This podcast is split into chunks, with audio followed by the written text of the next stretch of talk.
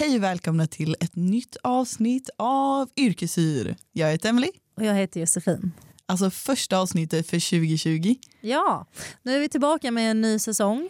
Våran paus över jul och nyår blev ju tyvärr lite längre än planerat. Men det var välbehövligt för oss båda och nu är vi tillbaka med ny energi. Ja, vi har redan spelat in två avsnitt. Mm. Alltså jag är jättenöjd.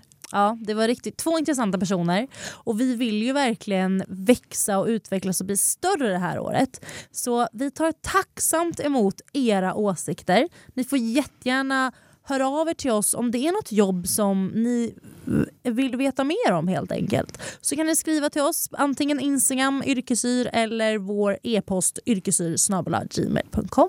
Ja, vi vill, och ni får jättegärna gå in och ge oss fem stjärnor på Podcaster. Ja, det vill vi gärna Då se. blir vi väldigt glada. Och tagga oss om ni lyssnar så vi får se det. Det vill vi verkligen. Och sprid till era vänner. Det finns många yrkesyra människor där ute i Sverige som vi vill nå. Och den gäst som inleder vårt 2020 är en ambulanssjuksköterska. Jajamän, han heter Niklas Isaksson och han är faktiskt från min lilla håla, Håmantorp. Så du har fått se Håmantorp för första gången Jossan. Ja, det var trevligt att få se dina hemtrakter. Ja, Vi körde igenom det på ungefär en minut kanske. Ja. Men det är så det är. det är så det är. Eh, jag tycker att vi fick eh, ett väldigt bra samtal. Eh, för ambulansförare, man vet ju att yrket finns men hur mycket vet man egentligen om vad de gör? Ja men exakt och det är ju det vi försöker ta reda på. Vi ställde också frågor, eh, eller vi bad om frågor på vår Instagram innan vår intervju och det slog rekord. Vi fick in så många frågor så det var jättekul att ni ville vara så engagerade. Det bevisar att ni har längtat efter oss precis lika mycket som vi har längtat efter att intervjua och eh, sända ut avsnitt. Eh, och så vi ställde alla de frågorna så ni kommer få svar på allt och mycket mer i dagens avsnitt. Jajamän. Men jag tycker, jag tycker inte att vi drar ut på det mer. Jag tycker vi hoppar rätt in i avsnittet.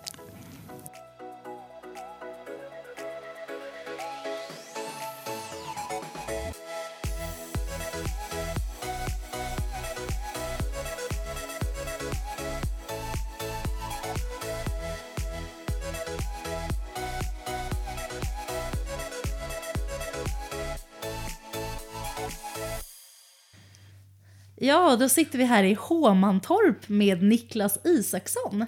Tack för att vi fick komma. Ja, det är så lite så. Det ska bli jätteroligt. Vad härligt. Vi har laddat upp med semlor och kaffe så det ska bli riktigt trevligt. Ehm, så du är ambulansförare, eller hur? Ja, jag jobbar på ambulansen, men jag är ambulanssjuksköterska.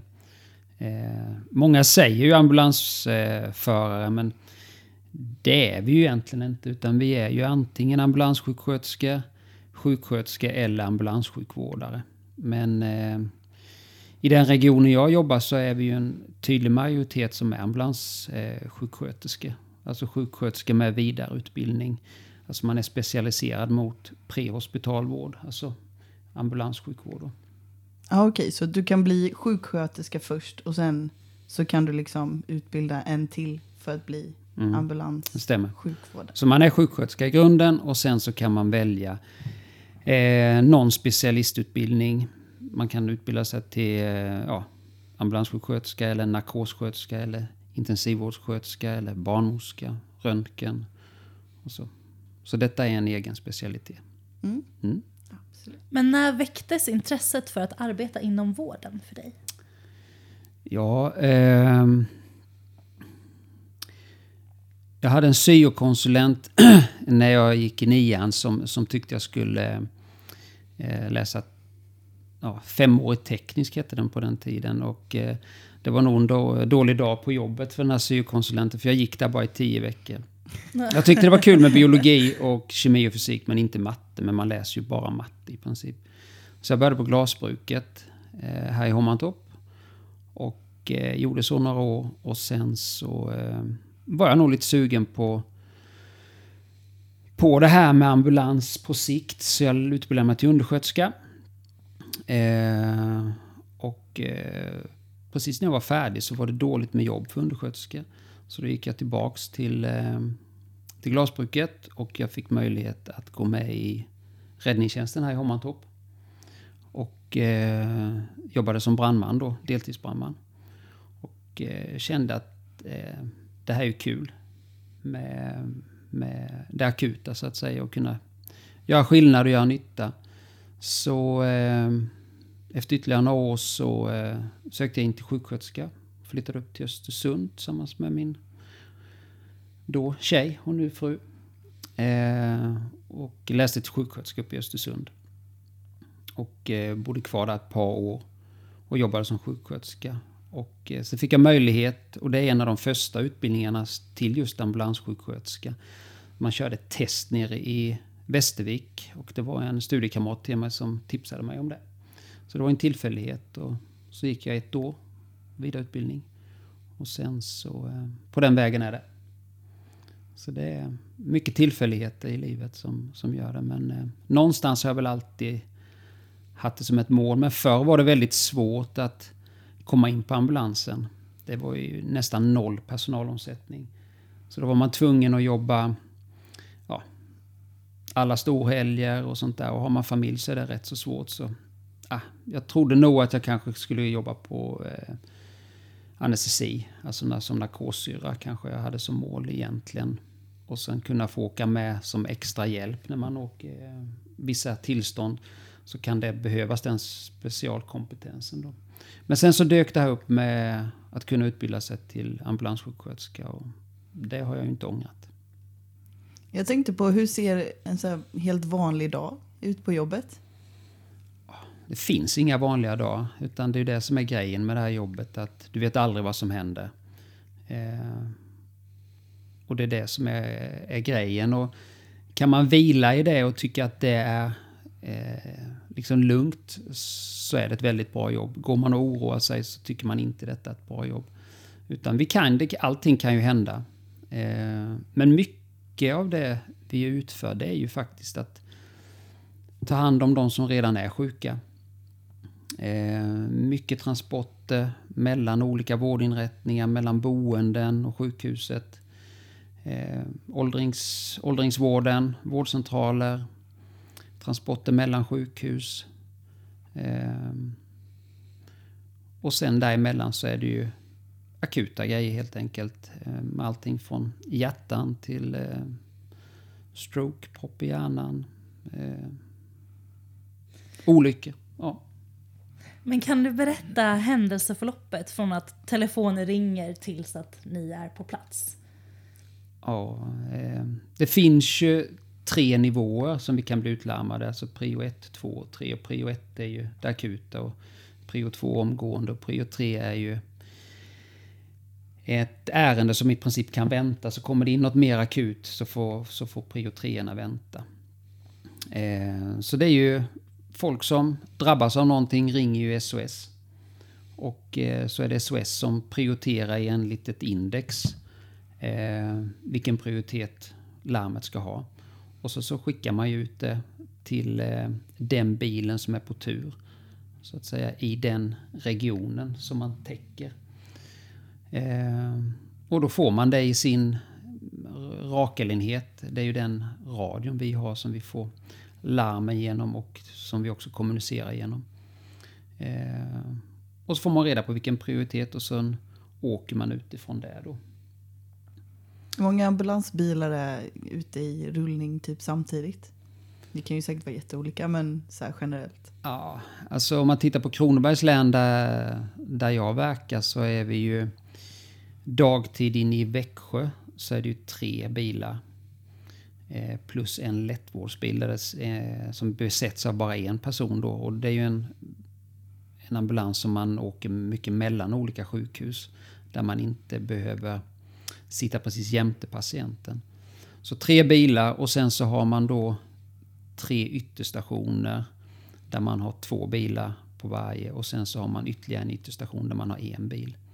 Och det är i den östra delen av Kronoberg.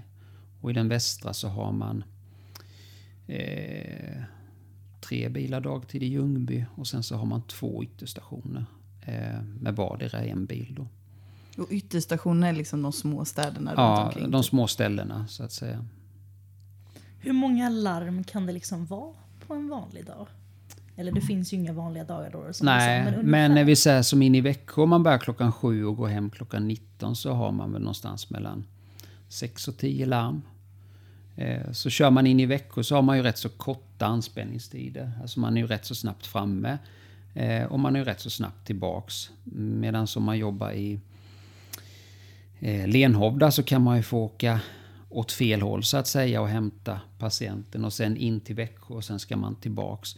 Så det är omöjligt att hinna med 10 larm. Eh, Då kanske man har två, tre, fyra. Och sen så många larm idag, till skillnad från när jag började, så lämnar vi patienterna hemma idag. Eh, Vi, vi kan ge behandling, vi kan ge eh, råd och stöd, vi kan boka in tider så att de kommer till vårdcentralen, att de kan komma in till akuten senare. Eh, så mycket av vårt jobb är ju att få patienten in på rätt vårdnivå som vi säger. Så vi är ju ingen transportorganisation som man kanske var förut när man kallades ambulansförare. Då, utan idag ser vi till så patienterna hamnar på rätt vårdnivå. Det är ju det som är det viktigaste. Jag tänkte på det, är det många som ser ambulansen typ som, äh, vi ringer ambulansen så de kan ta mig snabbt till. Mm. Alltså så att det är väldigt så här, även på väldigt, eller när det inte är så akut liksom. Ja, det, det är ett jättestort problem vi har i, i hela landet. Att eh, man ringer för rätt så banala saker. Man, man, man liksom eh, påbörjar inte egen behandling. Med, har man ont i huvudet så ringer man istället för att kanske ta två Alvedon och se om det hjälper. Och det är där vi åker ut och, och hjälper många med att eh, har du provat det? Nej, men då får du ta två Alvedon och så kan man avvakta. Och blir det värre så kan man ringa igen. Så det är långt ifrån alla vi kör in utan väldigt många eh, behandlar vi och hjälper i hemmet eller ute på boendena så stöttar man eh, sköterskan på boendet exempelvis. Men det är ju jättebra. Ja. Och det är den stora grejen från och med ja, sen några år tillbaka och framåt. Att sjukvården knäar ju idag. Det är, man har ju jätteproblem att ta emot alla patienter. Och därför så har ju vi en, en nyckelroll där och se till så att rätt patienter kommer in. Så vi är ju ett stöd ute kan man säga. Men vilka egenskaper tycker du att man behöver ha för att passa som ambulanssjuksköterska? Alltså, det viktigaste tror jag faktiskt är att man är lösningsorienterad. Alltså, eh, det finns så många olika tillstånd och alla människor är olika. Så även om vi har riktlinjer på alla tillstånd som finns så, så löser vi ju i princip alla fall på lite olika sätt. Så att vi får det bäst för patienten, bäst för verksamheten. Ehm, så att vara väldigt lösningsorienterad och, och, och hitta bra lösningar så att det blir så optimalt som möjligt. Det tror jag är faktiskt en av de viktigaste eh, egenskaperna. Sen givetvis att man eh, gillar människor, kan ta människor. Ehm, ja. Viss, eh, alltså att man, att man kan hantera sin stress, men det gör man i och med att man man klär på sig kläderna, de gröna kläderna på när man bär sitt pass. Då liksom blir man ju professionell och då, då ingår ju det liksom lite. Men att man just kan göra det också. Tror jag. Men är det svårt känslomässigt? Känn- Kommer du hem ibland och bara Ulrika jag måste snacka med dig om det här. Det här är, eller du kanske inte ens får snacka om vissa Nej. grejer. Alltså jag har grunnat mycket på det och vi, vi pratar mycket om det kollegorna emellan. Att, eh, ibland undrar man ju om man är frisk i huvudet. För jag tar ju aldrig med mig någonting hem. Jag grunnar aldrig på någonting. När jag läm- och det är det som är det fina med det här jobbet. Att man har en patient i taget. Och när man har lämnat av patienten så då har jag ett nytt vitt ark inför nästa. Och kan man inte hantera jobbet på det viset då, då tror jag man får problem. Och jag tror inte man blir så långvarig. Utan eh, att man, man gör så gott man kan utifrån de riktlinjerna vi har och så vidare. Då, då kan man liksom vara tillfreds med det och så lämnar man av patienten. Exempelvis inne på akuten eller man låter patienten vara kvar hemma och ha gett en behandling eller ett råd eller så. Va? Och sen släpper man det. Eh, sen finns det ju några få eh, tillfällen som givetvis har berört en. Som man har tagit med. Som man, som man kan tänka på någon gång ibland. Men eh, generellt sett så tänker jag aldrig på några fall efter. Och så upplever jag nog att väldigt många av mina kollegor också hanterar det. Men får man lära sig det då när man utbildar sig till ambulanssjuksköterska? Eller? Nej. Nej, man måste liksom kunna det helst. Ja, och jag tror att det är liksom en... En eh, har man inte förmågan så måste man på något vis lära sig det. Sen har vi ju en, en väldig fördel. Vi jobbar ju i princip alltid i par då. Eh, och på vägen ut så hinner man prata om vad det är vi tror att vi ska möta. Eh, vi hjälps ju åt eh, när vi tar hand om patienten. Det är ju inte någon som sitter kvar där fram vid ratten utan vi hjälps ju alltid åt och gör klar patienten. Och en undersöker, den andra eh, liksom lyssnar på patienten och, och eh, ja, ställer frågor och så vidare. Så det är ju hela tiden ett, ett väldigt nära samarbete. Och eh, har det varit någonting sen så har vi ju all tid i världen att sitta och prata om det när man ska åka från patienten eller vi har lämnat av. Så, så har vi ju all möjlighet att sitta och prata. Det där, så där tyckte jag, eller det där tyckte jag var jobbigt. Och sen färdar man av det, sen är man färdig med det. Och så tror jag väldigt många av mina kollegor hanterar det och är nöjda med det. Du nämnde att det är några som har satt sig på, på hjärtat. Vill du nämna något av de känslomässiga som du aldrig kommer glömma? Det behöver inte bara vara liksom tråkiga saker. För det är klart, i det här jobbet så, så händer det att folk dör och skadar sig och blir skadade för livet och, och sådär. Va? Eh, men det finns ju också många roliga eh, alltså, alltså, kul, kul människor. Alltså de där, alltså, jag tror om jag har tio stycken så, så kan säkert hälften av dem vara såna gamla goa gubbar som har berättat om eh, sin uppväxt eller någonting annat. Det kan liksom sätta sig precis lika mycket som att om en ung människa går bort i en trafikolycka exempelvis. Så, eh, eh, jag kan nog minnas li minst lika många roliga episoder som tråkiga episoder. Eh, sen är det klart, jobbar man tillräckligt länge så kommer man vara med om väldigt tråkiga saker när, när barn dör exempelvis. Och så där. Och det får man ju hantera.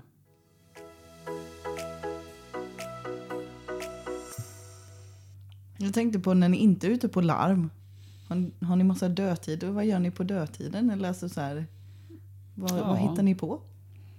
Ja, lite det här att man sitter och diskuterar. Mm. Eh, man pratar och eh, alltså vi, vi liksom har extremt sällan att vi sätter oss ner och debriefar eller eh, sådär. Utan vi, vi liksom sköter det inofficiellt. Eh, man pratar med sina kollegor och ibland får man ur sig någonting liksom och det, det liksom lättar på trycket. Och det fungerar, tycker jag personligen, väldigt, väldigt bra. Eh, sen är det ju... Alltså vi ska ju på något vis ta hand om allt från det ofödda barnet till de som är döda. Allt däremellan. Så vi har ju rätt många olika tillstånd, behandlingar, processer eh, som vi ska ha koll på. Eh, så det är ju hela tiden att försöka hålla sig uppdaterad. Eh, många av oss har ju, vad ska jag säga, lite extra jobb på jobbet. Man, man kan... Eh, någon kan vara traumaansvarig, någon kan ja, vara stationsansvarig på någon station. Och då finns det alltid att göra. Och ibland så... Vi jobbar ju på ytterstationen så jobbar vi ju dygn. Och då kan det ju vara så att man får passa på att vila när, när det är lugnt. För sen kanske man får köra på natten sen. Så det är ett väldigt dynamiskt jobb så ju. Långt ifrån enformigt. Utan det... Ja, så skulle man nog kunna säga. Du är aldrig rädd för om, om att du skulle vakna om larmet går? Nej, det, det tutar så högt så det vaknar man. Ja. Men ibland kan man ju vara så borta som man tror att det är väckarklockan. Och så ja. tar det en stund innan man är med på banan. Så att mm. Men eh, nej, det bommar man inte. Nej. nej. Har det hänt att det är någon som inte... Nej. Nej, inte mig veterligen. Nej, jag känner inte till det. Jag tror det är omöjligt. Och då har man ju en kollega som kommer och knackar i så fall. Ja. Om man inte dyker upp. Nej, så är det ju. Så är det. Ja. Mm. Man är ju aldrig själv som du säger. Nej. Hur snabbt är du i bilen då efter att larmet ringer? Alltså på prio ettorna så ska vi ju vara i bilen på 90 sekunder. Eh, och det är, ju, det är ju det vi ska vara. Eh, sen på prio tvåorna så, så ska vi väl egentligen också vara det men eh, det, det räcker att titta i, i displayen på där man får fram larmet vad det är och så är det mitt i natten så kanske man hinner till och med gå på toaletten innan och pinka. Eh, men är det prio ett så är det 90 sekunder, absolut. Och då, alltså det är väldigt kort tid att liksom verkligen förbereda sig på vad man ska möta. Fast det, det är ju bara att du ska ut i bilen och kvittera och sen så köra. Sen har man ju tiden i bilen och, och eh, liksom förbereda sig och prata ihop sig med sin kollega vem som gör vad och vilka tankar vi har. Vad, vad kan det här vara? För vi får ju en del information från SOS, från inringaren då. Allt från vad patienten heter, eh, personnummer förhoppningsvis, eh, vilken adress, eh, vad är det som har hänt? Ibland till och med får vi om ja, patienten är sjuk sedan tidigare så kanske inringaren har sagt att ja, den här personen har haft flera hjärtinfarkter tidigare. Eller någonting sånt där. Så vi söker ju så mycket information som möjligt på vägen ut för att vara så förberedda som möjligt. Eh, och det kan ju också vara så att vi, vi åker på vissa grejer där vi måste tänka mycket säkerhet. Och då är ju vissa adresser, då, då ska det ju ringa en klocka eller att eh, vissa tidpunkter. Man får reda på att det är stökigt på plats och så vidare. Då måste man liksom börja tänka på det. Har vi polisen med oss? Och har vi inte det, hur ska vi agera? Så det är ju hela tiden eh, en dialog i bilen på vägen ut. Vad är det vi tror att vi kommer fram till och hur tänker vi att vi ska... Alltså man ska ha en plan på något vis. Och så får man agera utifrån den. Då. Men typ så här, jag tänker på att, för att ni jobbar ju mycket med polis och brandkår. Mm. Så typ vid en trafikolycka, måste det komma visst antal eh, ambulanser, visst antal poliser, visst antal... Mm. Eller hur funkar allt sånt? Bara, är de Det vill säga, vid en trafikolycka så, så eh, försöker SOS få fram av inringen hur många drabbade är det. Eh, är det fyra drabbade, om inringen säger det, så då ska vi vara fem ambulanser. Så att det finns en ambulans som kan leda vår insats och sen så ska det vara fyra ambulanser som kan ta de här fyra drabbade. Då. Räddningstjänsten har ju, har ju sitt sätt att jobba. De har ju redan en tydlig befälsordning. Poliserna, eh, de ska väl minst vara en polisbil på, på en trafikolycka. Men vi, vi jobbar med att försöka få till en ledning också. Annars är vi ju en rätt så platt organisation. Eh, men då, då den bilen som är först på plats ska ju då bli eh, ledningsansvariga på olycksplatsen. En blir medicinskt och en blir då eh, skadeplatsansvarig. Eh, och ska samverka då med räddningstjänst och polis. Och leda och fördela arbetet då på de andra ambulanserna. Du nämnde ju förut att det är väldigt stress, eller att det är, man måste kunna hantera stress. Är Mm. det ett väldigt, väldigt stressigt jobb? Nej, det skulle jag inte vilja eh, alls säga. Eh, Det handlar ju om att... Sen sen kan ju alla bli stressade men när du blir stressad det är då du gör fel och därför måste man liksom känna sig själv att nu blir jag stressad, nu måste jag stanna upp. För annars får man ju på sig dumstruten och så tittar man ju liksom, alltså får man tunnelseende helt enkelt. Och det har ju drabbat alla och det drabbar ju en då och då men eh, förhoppningsvis så kan man känna att nu är jag stressad, nu måste jag stanna upp och tänka. Eh, och hjälpa min kollega om min kollega också är stressad så får man ju hjälpa varandra. Vänta nu, nu, nu, nu stannar vi upp och så tänker vi så vi gör rätt här från början. Ofta handlar det om att göra rätt från början. Gör man rätt från början så, så har man koll. Springer man in i en situation då tappar man liksom eh, överblicken och då är det jättesvårt att göra rätt.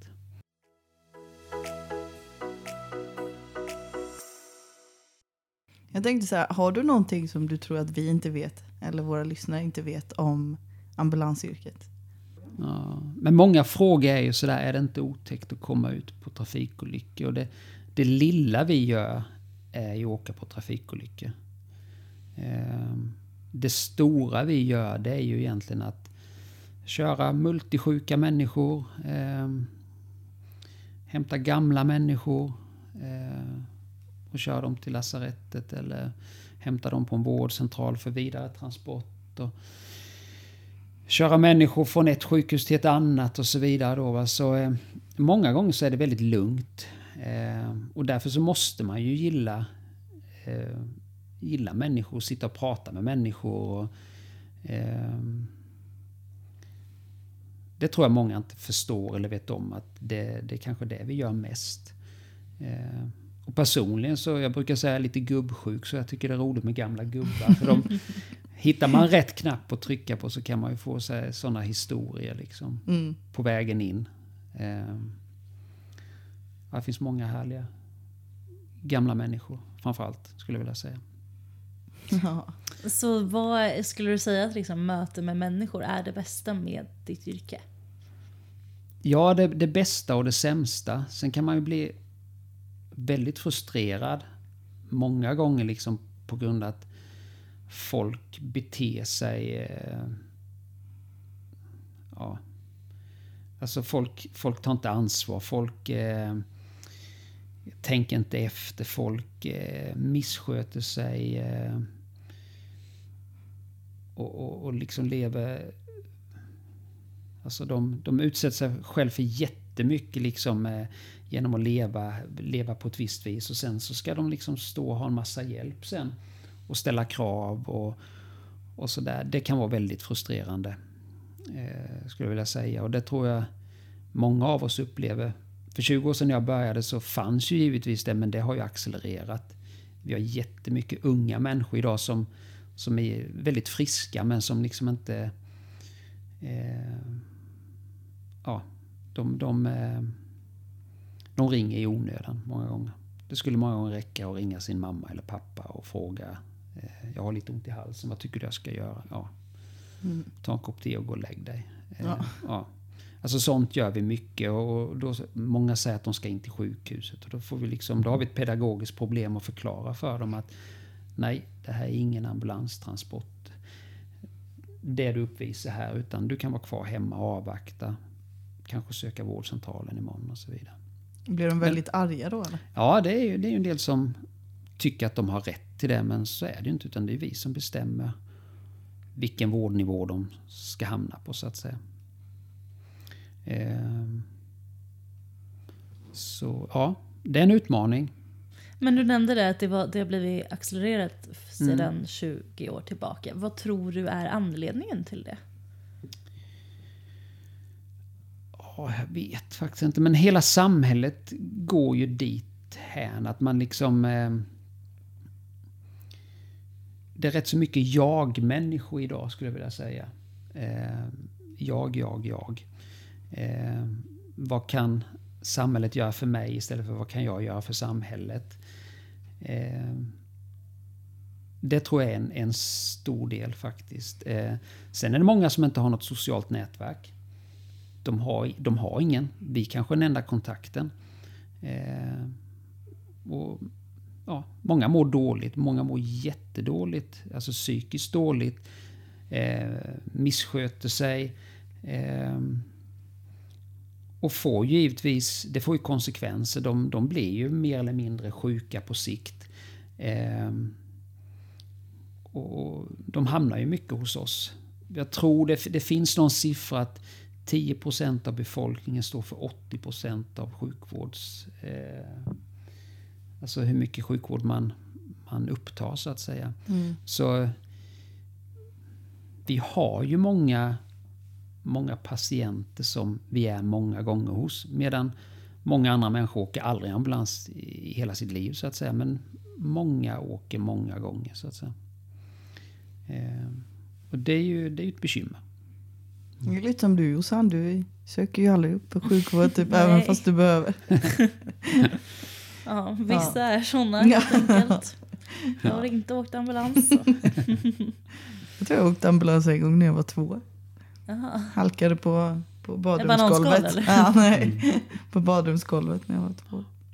Jag tänkte på det om det är många som är liksom hypokondriker idag. Som man verkligen tror är värsta. Ja, det skulle jag vilja säga. Ja. Man kanske har blivit mer medveten nu eller så här, man går in och läser på, Mm. googlar och bara ah, Ja. Ja, det typ- kan vara, det, många säger att det här kan ju vara detta. mm, Ja, men jag tror inte vi ska tro att det är det. Men man kan ju aldrig veta, men vi kan ju liksom inte röntga alla människor så fort man har ont i huvudet exempelvis. Då. Nej. Nej. Jag tänkte på det också, typ, för att ibland har ju ambulansen läte och lysen, ibland bara lysen. Mm. Vad, är det klass 1 som är... Nej, men det är den som kör. Eh, om man påkallar fri väg eh, så gäller det att synas och höras. Mm. Och då är det ju också den som kör som är ansvarig för att eh, gentemot de andra trafikanterna. Eh, så du kan ju inte köra med blåljus genom en, en korsning eh, och hålla tummarna. Utan ska du igenom en korsning så ska du ju både ha blåljus och ljud. Och titta dig för så det inte kommer någon annan. För det är du som kör som har ansvar om det händer någonting. Ja, Kan man säga. okej. Så vi, vi, vi som kör är ju också de som har ansvaret. Så det gäller ju att köra med mycket marginaler. Och, och det har vi utbildning i och det får vi kontinuerligt utbildning också i. Mm. Men är det, alltså är det problem att folk inte flyttar sig på vägen eller? Problem och problem det är ju... Folk blir stressade Mm. eh, och vet inte riktigt hur man ska göra. Eh, idag så har vi ju de här 2-1-vägarna exempelvis med mittvajerräcke. Det gör ju att vi i princip aldrig ser dödsolyckor längre som man gjorde för 20 år sedan. Då dog ju folk stupalöst på vägarna kan man säga. Idag så händer ju det väldigt sällan. Man får inte frontalkollisioner. Plus att bilarna blivit mycket, mycket säkrare. Men det blir ju problem för oss om vi måste snabbt från ett ställe till ett annat och det är 2-1-väg och vi inte kommer förbi. Och då kan ju en del tvärnita och då blir ju allting... Då tar det ju stopp istället för att de rullar på. Om det nu är 100-väg så ska de ju köra i 100 km i timmen och sen när det blir 2-1 då kör jag ju förbi då. Men en del får panik eller vad de får då, och då, då stannar en del mitt på eller drar ner hastigheten och då, då, ja, då är det kontraproduktivt Ja. kan man ju säga. Så det är också ett ansvar vi har att inte upp i baken på folk utan vi ligger en bit bakom och sen så när det öppnar upp så kan man helljusblinka på dem och så kör man om. Mm. Så man inte stressar. Så det är ju det är ett ansvar vi har att försöka få det att flyta. Vad skulle du uppmana alltså förarna till att göra på typ vad ska man göra på en, på en envägs Ja, men du ska väg, fortsätta att köra i den hastigheten som man får köra. Eh, är det långt kvar till det blir 2-1 så, och det kommer en parkeringsficka så kan man köra in på den. Men inte stanna. Absolut inte stanna eller dra ner på farten.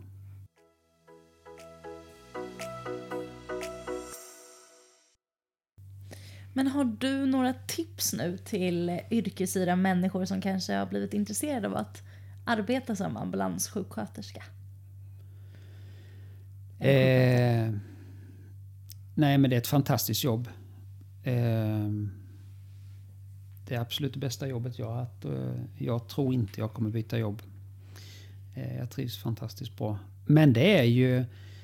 Man behöver inte ha så bråttom när man är ung. Eh, prova på eh, olika jobb, skaffa dig erfarenheter. Eh, sen när du känner att ah, det är det här jag vill så är ju egentligen spåret det är ju att läsa till sjuksköterska. Och efter man har läst till sjuksköterska så skulle jag uppmana alla att kanske jobba som sjuksköterska i ett par år. Inne på sjukhuset gärna. Prova de olika specialiteterna, typ kirurgi, medicin, akuten. Eh, och sen så vidareutbildar man sig ett år. Och då finns det jättemycket jobb. Så det är bra att liksom ha, ha lite erfarenhet innan man går in i ambulans. Ja, för det, du möter ju människor som, ja, som är i kris och så vidare. Och det är klart att är man ung eh, och inte varit med om så mycket så, så kan ju det vara svårt. Liksom. Jag tror ju, ju mer erfarenhet man har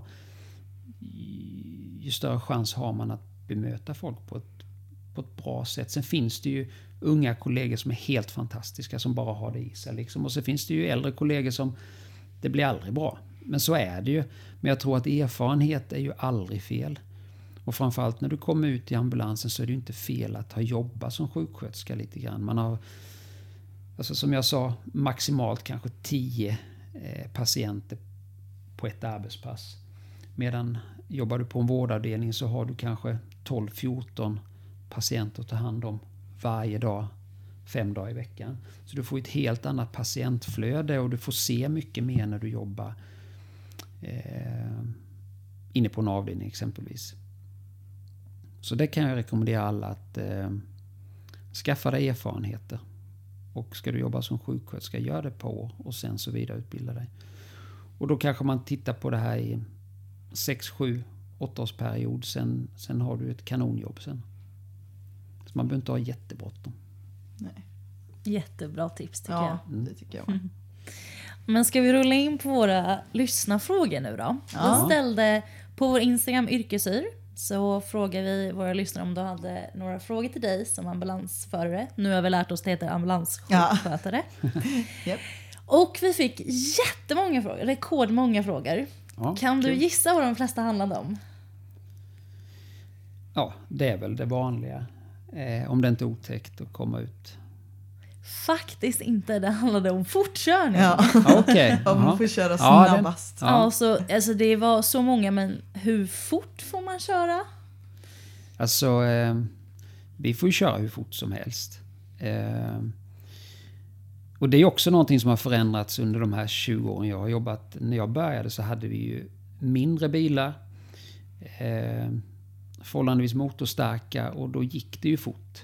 Alltså det kunde ju gå både 190 och 200. Eh, idag så kör vi ju extremt sällan över 140. För idag så har vi större bilar, vi har bussar som inte går fortare. Eh, vi behöver inte köra. För, för när jag började så var det ju jag ska säga, precis i slutet på den här eran där, där vi inte hade så mycket möjlighet att hjälpa patienten utanför sjukhuset. Utan enda hjälpen vi kunde ge det var egentligen att transportera patienten väldigt fort in till sjukhuset. Medans eh, från det jag började så fick vi ju... Jag har ju haft ett väldigt flyt. Jag har ju liksom fått vara med på hela den här resan när vi har börjat kunna skicka information via det mobila nätet. Och det har hänt jättemycket kring hjärtsjukvården och, och sådana här grejer som man sen har spunnit vidare på inom trauma och, och även nu inom stroke och så vidare. Så nu har vi ju väldigt mycket möjlighet att påverka patientens eh, tillstånd utanför sjukhuset och därför så behöver vi inte köra så fort. Utan vi gör klar patienten där vi hämtar patienten och stabiliserar patienten och så kör vi mer eller mindre lugnt och stilla in. Eh, Så köra fort är liksom ingen grej längre. Eh, Så blir alla lyssnare besvikna. Ja. Ja. Eh, det, så är det generellt i hela landet att eh, farten går ner. Och på vissa ställen vet jag att eh, där har man rätt så snabba bilar men de ska man gå in och strypa nu så att man inte kan köra mer än i vad det var 150-160 km i timmen. Och det var ju också, vi fick också en fråga om man typ får, i utbildningen om man får öva på att köra snabbt. Och, Mm, det får vi. ja. Vi Vi har måste ju ändå kunna det. Liksom. Ja, ja. Mm. Och vi, framförallt nu så eh, vi har ju haft problem med vikter på bilarna. Så att eh, för att klara det på ett B-körkort så har ju inte bilarna fått väga mer än en, en viss vikt. Eh, och det är jättesvårt att klara det på grund av att vi har så mycket grejer i bilarna. Så nu i Kronobergs län så eh, ska alla då som inte har körkort med tyngre behörighet skaffa sig tyngre behörighet. Så den stora utmaningen nu är väl att se till så att folk kan köra eh, ambulanser som väger mer, som är tunga fordon helt enkelt. Och då är det ju inga rallybilar längre. Nej. Så, ni går ut och typ kör på, på så här flygbanor eller kör Ja. ni i trafiken? Eller? Vi kör både, både ute i trafiken när vi övar eh, under handledning då. Och sen så är vi på ett flygfält och eh, kör manövergård, lära oss backa, köra i trånga utrymmen. Eh, eh, ja, manövrera helt enkelt eh, under, under hög fart och under, under inbromsning och köra patientvänligt och sådana här saker. Vi fick en fråga, har du någon gång varit rädd för att krascha eller köra på någon? Nej. Jag tror aldrig jag varit nära att köra på någon. Och det handlar ju lite om att, att eh, köra med marginaler. För när det går fort så är ju liksom... Ja, kör man vanlig bil och man liksom har den här tre sekunders regeln eh, så funkar ju inte det om man kör i 150 eller 160. Då får man ju liksom dra ut på den. Eh, men i och med att tempot har gått ner och vi kör långsammare så, så kan man liksom ligga lite närmare. Men det finns liksom ingen idé att ligga precis bakom. Utan man, man ska köra med marginaler hela tiden. Så att det inte, för det får inte hända någonting.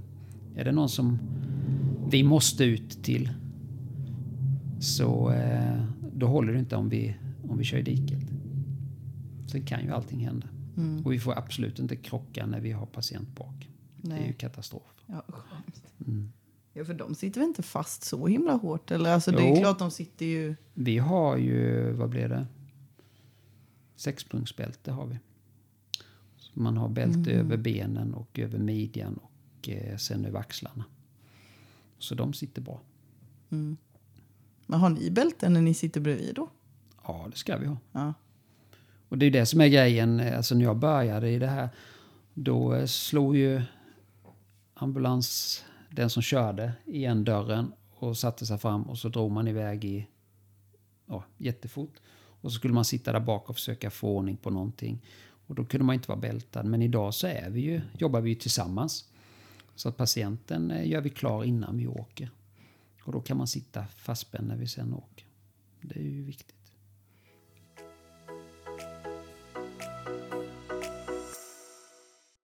Min sambo undrade ifall du har en fjärrkontroll så du kan styra rödlyserna. Nej, men vi har eh, det kopplat sedan några år tillbaks. Så när vi får en prio 1 och vi närmar oss ett rödljus i vissa delar av Växjö eh, så slår det om. Och då handlar det ju inte primärt för att vi ska komma igenom utan det är för de bilarna som ligger före oss. Då får de grönt ljus och då kan de åka undan och då kan vi köra igenom. Så det fungerar jättebra.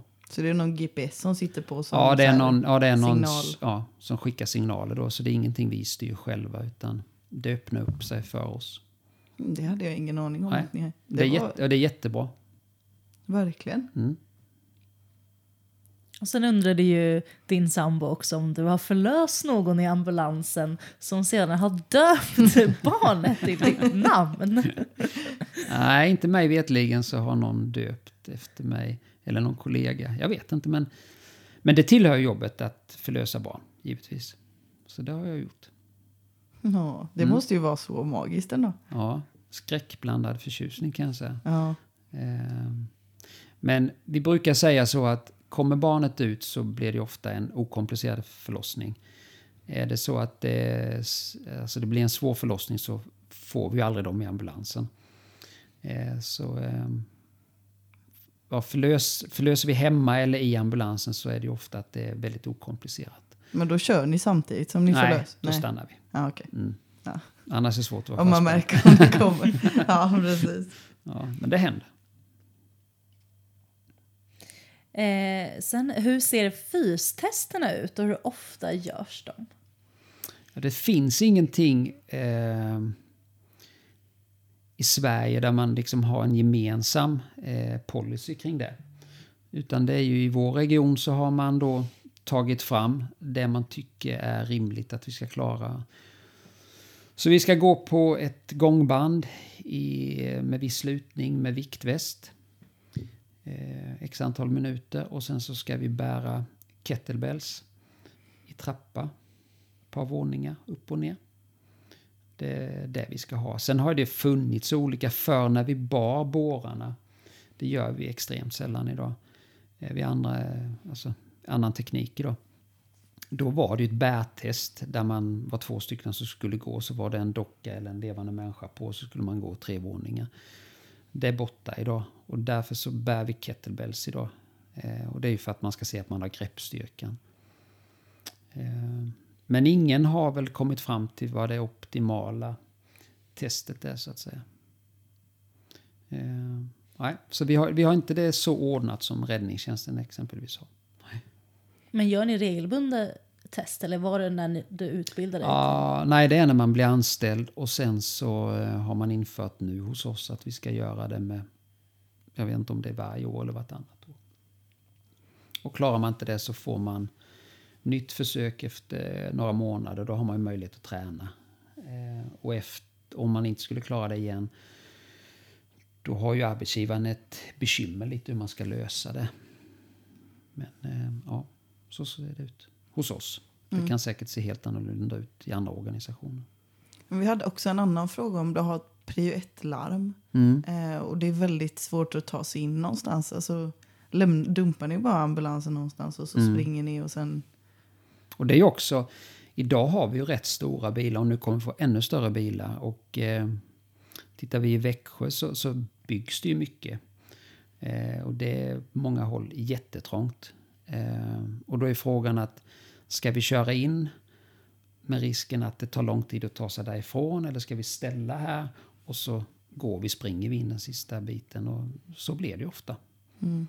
Att det är inte alltid man kommer ända fram till dörren. Så då tar ni med båren och springer? Då tar vi med båren och det vi, vår akutväska exempelvis och syrgas. Mm. Mm. Eller det vi tror vi behöver oss. Tycker du att man borde ha med så här... Det finns ju hjärt och lungräddning eller så här Mm. det vanliga man kan. Men tycker du man ska ha med typ i skolan med så här att man ska lära sig hur man hanterar vissa grejer eller så här så man kan göra mer grejer själv? Mm. Personligen så tycker jag väl eh, vi har en väldigt positiv utveckling när det gäller hjärtstopp. Eh, dels att mer folk utbildar sig, men framförallt så har vi ju hjärtstartare på mycket mer ställen idag på offentliga ställen. Räddningstjänsten är utrustad med det, vi givetvis. Men framförallt att det finns i bibliotek, skolor, mataffärer och så vidare. Och de är ju så enkla så att även om man inte har gått en HLR-kurs så, eh, så kan man ju köra de här. För man, det står ju både i skrift och, och de talar ju om vad man ska göra. Men sen vore det ju en jättepoäng exempelvis när man tar sitt körkort att man går en, att, man, att det finns en HLR-kurs i den. Det hade ju varit perfekt. Då får man ju med, inte vet jag, 80-90 procent av alla. Mm. Så man borde ju finna något forum där man nästan plockar upp alla. Sen är det ju många arbetsplatser som eh, utbildar sina anställda och har återkommande utbildningar. Det är ju jättebra. Ja, det tycker jag också är jättebra. Ja. För det, man kan hjälpa väldigt många. Det, vi har ju, alltså, utvecklingen är ju fantastisk. Från väldigt höga dödstal till... Det har ju, det har ju blivit många, många hundra procent bättre på några år. Så det ser ju jättebra ut. Fantastiskt. Ja, det gillar vi. bättre tider. Ja. Bra nyheter. Äntligen.